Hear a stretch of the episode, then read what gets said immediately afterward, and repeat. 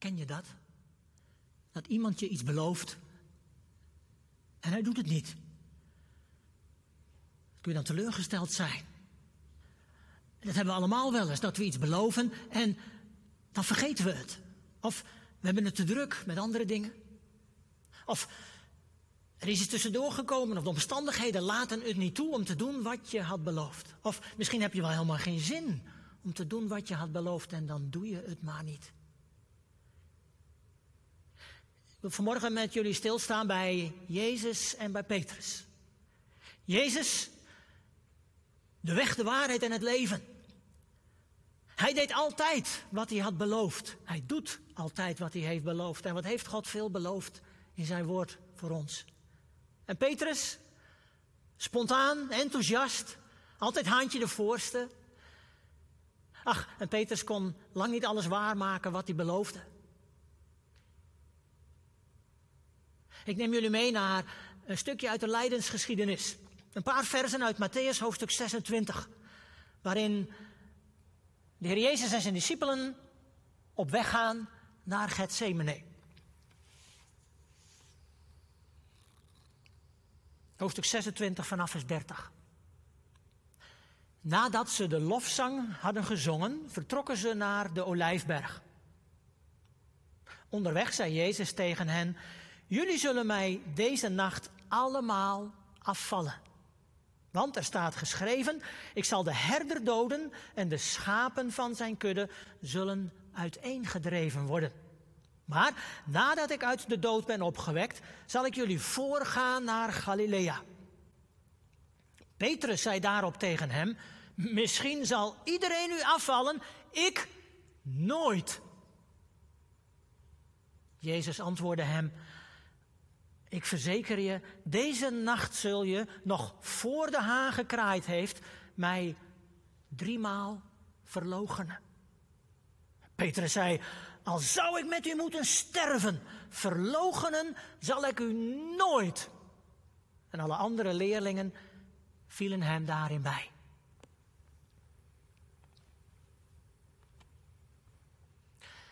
Ze zijn op weg naar Gethsemane. De Heer Jezus heeft net het Pesachmaal met zijn discipelen gevierd, het nieuwe verbond ingesteld. En nu haalt hij een tekst uit Zacharia aan, Zacharia 13, vers 7. Een aantal voorzeggingen die God had gedaan en die nu vervuld zouden worden door de Heer Jezus. Profetieën, beloften van God zou je ook kunnen zeggen. En dan zegt de Heer Jezus drie dingen tegen zijn discipelen. Hij zegt, jullie zullen mij allemaal afvallen. Afvallen wil zeggen dat jullie aanstoot aan mij zullen nemen. Je zult over mij struikelen. Dat is eigenlijk het woord wat daar staat. En de, de herder zal gedood worden. En de herder is hij zelf natuurlijk. Hij de goede herder. Letterlijk staat er, hij zal geslagen worden, aan het kruis geslagen. En zullen alle schapen verstrooid worden. Je ziet daar het schaap alleen, een verstrooid schaap. Wat een generatie later zal gebeuren, dat alle Israëlieten uiteengedreven zullen worden weg van hun land. Maar nu past de Heer Jezus het toe op zijn discipelen. Jullie zullen me allemaal in de steek laten. Maar, zegt hij, in de derde plaats daarachteraan, hij zegt, nadat ik opgestaan ben, zal ik jullie voorgaan naar Galilea. En daar zullen we elkaar weer ontmoeten. Nadat ik ben opgestaan. De Heer Jezus hij is de waarheid. Hij houdt zich aan zijn woord. Hij vervult de beloften die God al eeuwen daarvoor had beloofd. Bij monden van Zacharia, de profeet. Ruim vijf eeuwen hiervoor had Zacharia dat al uitgesproken. En Heer Jezus, hij is trouw zoals God trouw is. Wat God belooft, dat doet hij. Voor hem zijn woord en daad één. Zo is het Hebreeuwse woord voor een Hebreeuws woord voor spreken en voor doen is allebei dabar. Zeggen en doen voor God is één. Als God iets zegt, dan doet hij het ook. En de Heer Jezus, hij vervult die beloften van God. Hij is trouw. Zoals Paulus tegen Timotheus zal schrijven, ook al zijn wij ontrouw, God blijft trouw, want hij kan zichzelf niet verloochenen. Trouw is een stuk van zijn wezen, van zijn karakter, van wie hij is. En wat is dat mooi dat wij op God kunnen vertrouwen, zelfs op momenten dat wij ontrouw zijn en ons niet aan onze beloftes naar hem toe houden. En dan hebben we dan Petrus. Petrus die niet eens hoort wat Jezus in de derde plaats zegt dat hij op zal staan. Petrus denkt alleen maar aan het eerste. Jullie zullen me allemaal afvallen, in de steek laten. Petrus zegt nee hoor, al zal iedereen nu afvallen, ik nooit. Ach, Petrus, spontaan, hij meende het ook natuurlijk. Een paar weken geleden heeft Jacob met ons stilgestaan bij dat gedeelte uit Matthäus 16. Weet u nog, helemaal in het noorden van Israël. Dat Petrus als eerste beleed, u bent de Christus, de zoon van de levende God.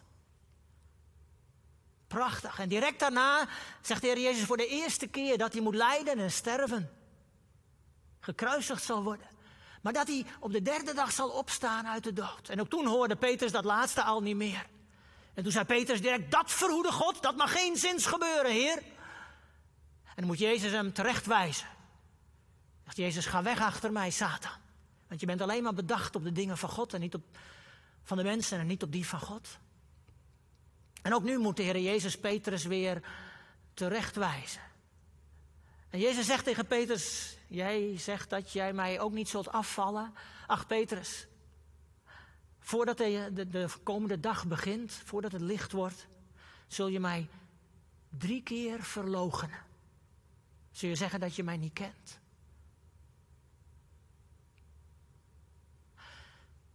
Moet de schok door Peters heen gegaan zijn. En direct zegt hij ook weer: O Heer Jezus, dat zal nooit gebeuren. Ik zal u nooit verloochenen, al moest ik met u sterven. Hij zegt nooit te snel, nooit. Ik zal u nooit verlaten. Ach, het is nog niet zo lang hierna, maar een paar uur later, dat Jezus gevangen genomen wordt. En dan is het weer die Petrus die zijn zwaard pakt en die erop inhakt om Jezus te verdedigen. En hij slaat de knecht van de hoge priester Malchus slaat hij het oor af. Hij zal wel even Jezus verdedigen. En de Heer Jezus zegt: Stop, doe je zwaard weg. Als je het zwaard gebruikt, zul je door het zwaard omkomen. En hij geneest het oor van Malchus. En hij laat zich vrijwillig gevangen nemen en wegvoeren. En inderdaad, op dat moment laten alle discipelen de Heer Jezus in de steek en ze vluchten weg. En wordt vervuld wat de Heer Jezus had gezegd vanuit de profeet Zacharia. En Petrus, hij gaat nog, op afstand gaat hij nog achter Jezus aan. En dan gaat hij op de voorhof, waar de Heer Jezus verhoord wordt mengt hij zich tussen de mensen die daar zitten. En dan spreken ze hem aan. Hé, hey, jij hoort dat toch ook bij? Bij die Jezus? En dan gebeurt het inderdaad tot drie keer toe. En dan zegt Petrus, ik ken hem niet. Op plaats vloekt hij er zelfs bij. Ik ken die man niet. Ik hoor niet bij hem. En dan kraait er een haan. En dan beseft Petrus dat hij zich niet aan zijn woord gehouden heeft. En hebben we gezien in het filmpje dat Jezus en Petrus oogcontact hebben. Het staat ook in het Lucas-evangelie. En Jezus keek Petrus aan. In het filmpje wordt het zo voorgesteld dat ze beiden op de grond liggen. En er is contact. we moeten door merg en been gegaan zijn bij Petrus. Dat hij besefte, ik heb Jezus verlogend. En ik had nou wel zo gezegd, al moet ik met u sterven. Het is juist op dit moment dat Petrus bittere tranen huilt. Intens berouw en spijt dat hij dit gedaan heeft. En het is in de Matthäus Passion juist op dit moment dat, dat een van de meest bekende aria's weer klinkt. Erbarme dich, mijn God. Om mijn het zeren willen. Erbarm u, Heer. Heb er, erbarmen met mij. Ontferm u over mij om mijn tranen wil. Ik heb zo'n spijt ervan. Dat ik niet gedaan heb wat ik had beloofd. Ontferm u, Heer, over mij.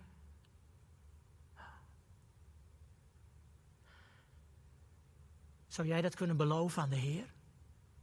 Heer, ik, ik zal u nooit afvallen. Ik zal u trouw blijven dienen en volgen. Oh. Hebben we het niet eigenlijk allemaal beloofd? We de Heer Jezus aannamen. Zeg nooit nooit.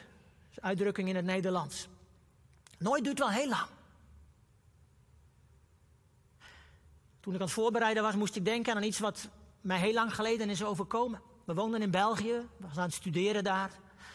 En onze oudste, Ganuka, was twee jaar. We woonden vier hoog.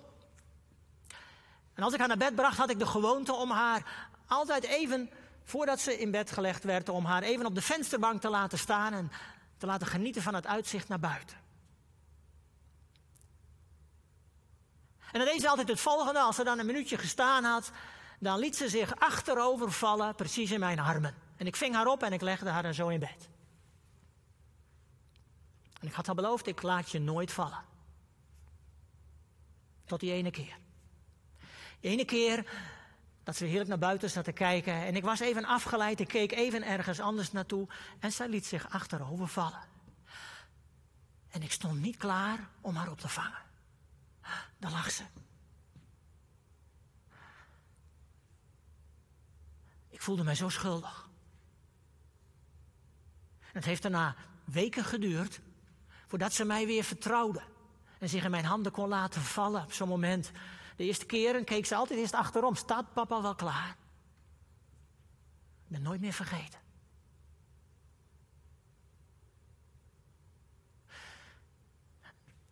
Ik wil met jullie een gedeelte lezen uit Prediker. Salomo, een hele wijze man, die schrijft ook iets over iets beloven. Prediker 5, een paar versen. Wees niet te haastig met je woorden. En doe God niet overijld met heel je hart geloften. Want God is in de hemel en jij bent op aarde. Dus moet je spaarzaam met je woorden zijn. Wanneer je God toch een gelofte doet, lost die dan ook spoedig in. God is niet gesteld op de wazen. Los dus je geloften in. Je kunt beter geen gelofte doen dan een gedane gelofte niet inlossen. Vijf keer staat in deze drie versen het woord gelofte. Een gelofte aan God. Eigenlijk staat er het woord belofte, maar als je God iets belooft, dan is het eigenlijk een gelofte. Dat is net iets zwaarder, iets sterker dan dat je een belofte doet aan God. We doen God vaak beloften, geloften. Als we zingen. Nou, ik weet niet hoe je in zo'n dienst thuis zingt. Meestal gaan we thuis niet staan en uit volle borst meezingen. Wij zingen zachtjes wat mee. Misschien in je hart alleen. Wat gaat om je hart? Wat je hart tot God zegt en zingt. We hebben vanmorgen ook een lied gezongen. En ik geef u mijn hart. Ik geef mij aan u. Dat zingen we wel vaker. Heer, ik geef mij aan u met alles wat ik ben en alles wat ik heb. Dat zijn beloften aan God. Maar wie kan dat waarmaken? Volgens mij doen wij geen van allen dat. En dan zegt Salomo, wees voorzichtig met wat je belooft. Beloof niet te snel iets. Je kunt beter geen belofte doen dan dat je eh, later moet constateren, ja, ik heb het nu wel beloofd, maar kan het eigenlijk niet waarmaken. En als we God beloven, Heer, ik geef u mijn hart, ik geef u mijn ziel. Nou, dat is nogal wat om dat te beloven. Wil ik dat wel? Durf ik dat wel aan?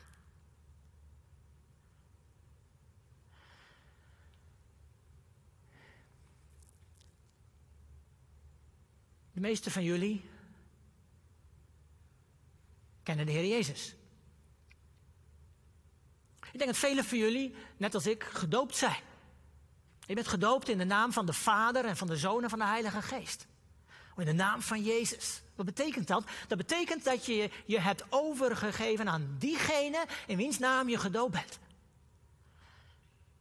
Het is eigenlijk een belofte, een gelofte aan God. Heer, ik geef mij helemaal aan u over. Ik ben helemaal van u. En vanaf dat moment heeft hij het voor het zeggen over jouw leven. Eigenlijk zeg je, Heer, u bent mijn Heer. Mijn koning. Mijn baas. Ik wil u volgen, overal waar u mij leidt. Dat zeg je met de doop. Dus ben je gedoopt, dan heb je die gelofte aan God gedaan. En dan mogen we het ook proberen waar te maken. Misschien met vallen en opstaan.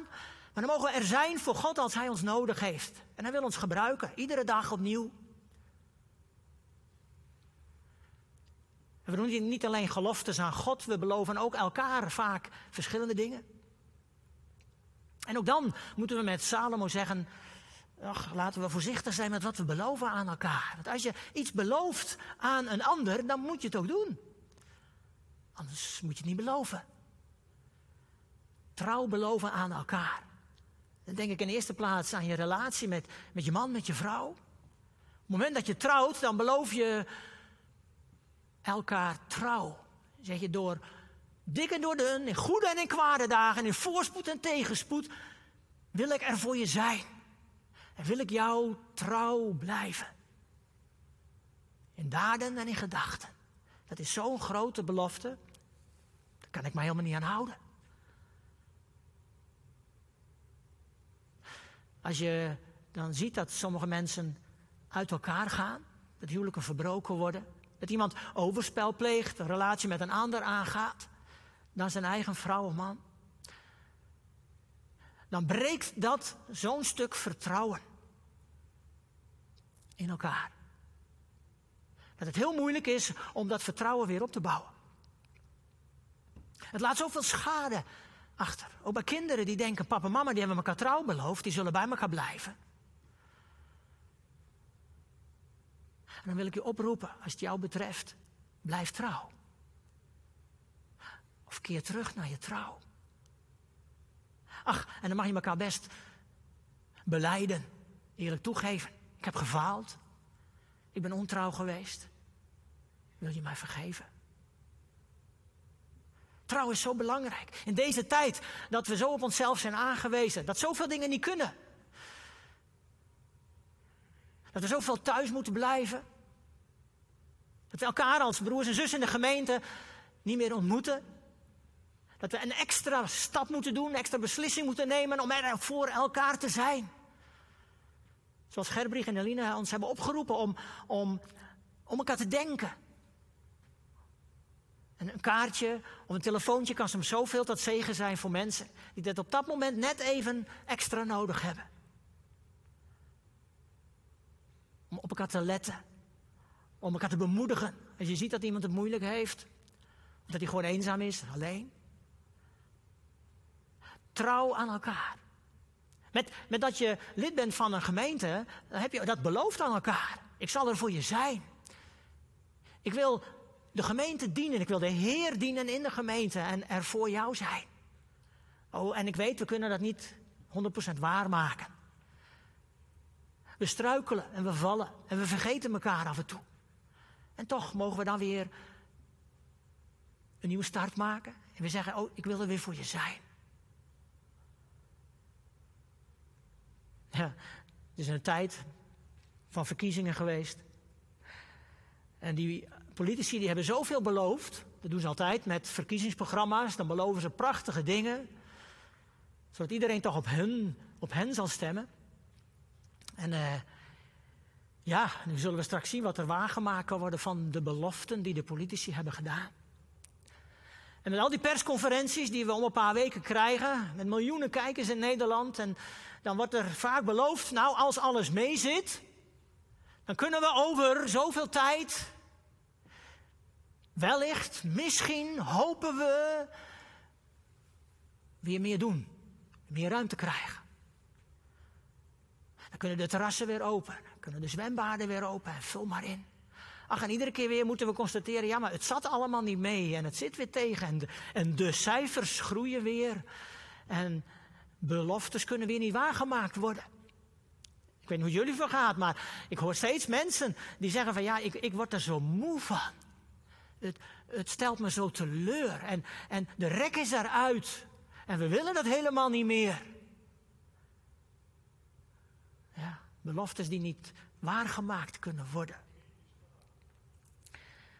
Het kan zo gemakkelijk dat je elkaar iets belooft. Ik, uh, ik, ik, hoor het ook wel thuis. Dat Joke, mijn vrouw, dat die tegen mij zegt: hey, Ludie, uh, je zou dat toch opruimen? Dat had je toch beloofd? Oh ja, vorige week, dat is waar ook. Ja, dat zijn maar kleine dingetjes. Maar het kunnen ook, grotere dingen zijn. Dat je, dat je aan, aan God belooft, nadat, je, nadat je toch weer in die zonde gevallen bent. Ach, dat je weer gestruikeld bent. Dat je tegen God zegt, ach Heer, vergeef mij alstublieft. Ja, ik, ik zal het nooit meer doen. Nooit duurt heel lang. Ik kan beter niet zeggen. Natuurlijk mag je beloven dat je het niet meer wil doen. Maar, ach, wij zijn maar zwakke mensen. En God kent ons, hij kent onze zwakheid. Toen Jezus Petrus zo intens aankeek, moet dat dwars door het hart van Petrus gegaan zijn. Oh Heer, ik ben u niet trouw geweest. Ik heb u laten vallen.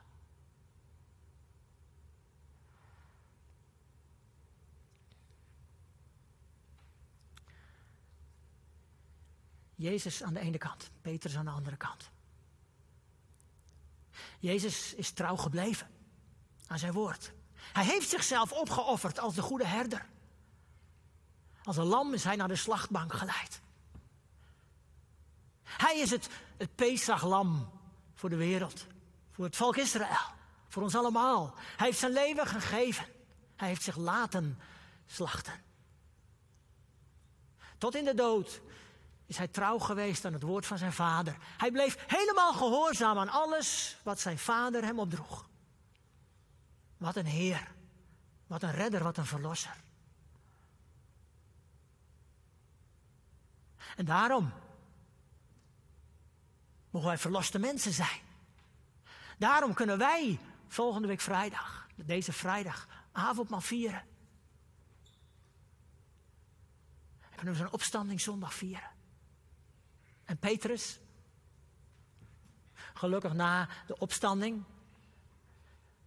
gaf de Heer Jezus hem de ruimte om zijn liefde voor Jezus weer onder woorden te brengen. Tot drie keer toe vroeg die Petrus, hou je van mij? Tot drie keer toe mag Petrus antwoorden, ach Heer, u weet het dat ik u lief heb. U weet alles. Tot onder tranen. En herstelt Jezus Petrus in zijn bediening. Petrus, wijd mijn schapen, hoed mijn lammeren. De schapen die zo gemakkelijk verstrooid raken. Hou ze bij elkaar, Petrus. Dat is jouw taak, dat is je opdracht. Ik vergeef je. We lezen dat er niet, maar dat heeft Jezus ongetwijfeld ook naar Petrus duidelijk gemaakt. En Petrus, hij heeft de Heer gediend met vallen en opstaan. Het bleef natuurlijk dezelfde Petrus. Dat Petrus op het laatst in Rome voorganger was, dat hij daar de gemeente mocht voorgaan, mocht vertellen het evangelie van Jezus, wat dan in, in Marcus is opgetekend. Petrus die aan het einde van zijn leven, in de zestiger jaren, die zijn leven gaf voor Jezus, uiteindelijk maakte hij waar wat hij gezegd had, al moest ik mijn leven voor u geven. En Petrus is onder keizer Nero is die gekruisigd. Zo is hij aan zijn einde gekomen. Hij wou niet op dezelfde manier als Jezus, dat ben ik niet waard. En toen is hij ondersteboven gekruisigd. En zo heeft hij de tijdelijke omgewisseld voor het eeuwige. Voor zijn Heer heeft hij zich overgegeven. En heeft zijn belofte ingevuld. Ik wil vragen aan jou, aan jullie allemaal, om een tijdje na te gaan denken. Welke beloftes heb ik eigenlijk gedaan? Aan mijn medemensen, aan God. En hoe ben ik met die beloftes omgegaan? Ik wil vragen om daar gewoon voor jezelf een tijd voor te nemen. En hoe kan ik mij beter houden aan mijn beloftes? Ik wil eindigen met vier tips. Vier tips mee te geven. En mijn eerste tip is. Meestal sporen we elkaar aan om steeds meer te beloven aan God en om er helemaal voor te gaan. Ik ga dat vanmorgen niet doen. Ik wil e- eenvoudig je vragen: beloof niet te veel. En mijn tweede tip, voordat je dingen belooft, vraag God eerst om zijn hulp, om zijn leiding, om zijn wijsheid. Elke dag. Zodat hij je mag bepalen bij datgene wat je aan kunt, wat je dan ook mag beloven. En mijn derde tip. Wees altijd bereid om anderen te dienen.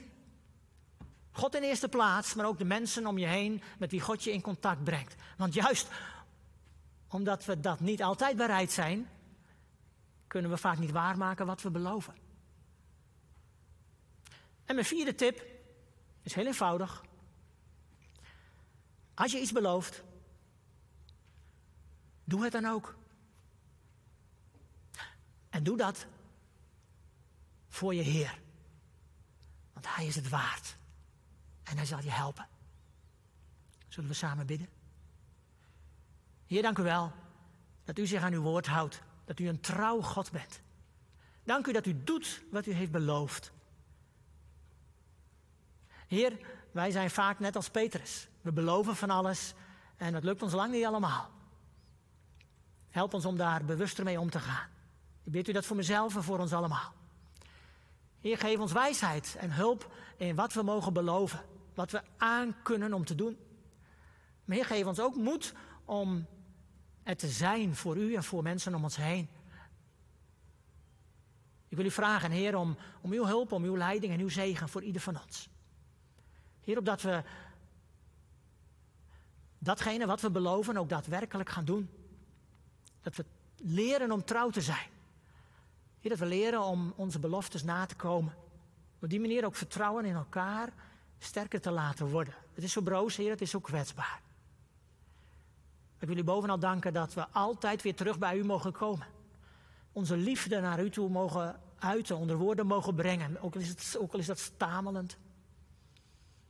En dank u voor uw genade, voor uw vergeving. Iedere keer weer. Heer, zo willen we samen toeleven naar Goede Vrijdag, naar Pasen. Waar u uw leven hebt gegeven voor ons. Waar u de zonde, de dood heeft overwonnen. Dank u, Heer, dat u de levende God bent. En dat u ook nu een trouw God bent. Zelfs al wij, zijn wij soms ontrouw. Ik wil u daarvoor prijzen. En zo willen we elkaar aan u opdragen. In de naam van Jezus Christus. Amen.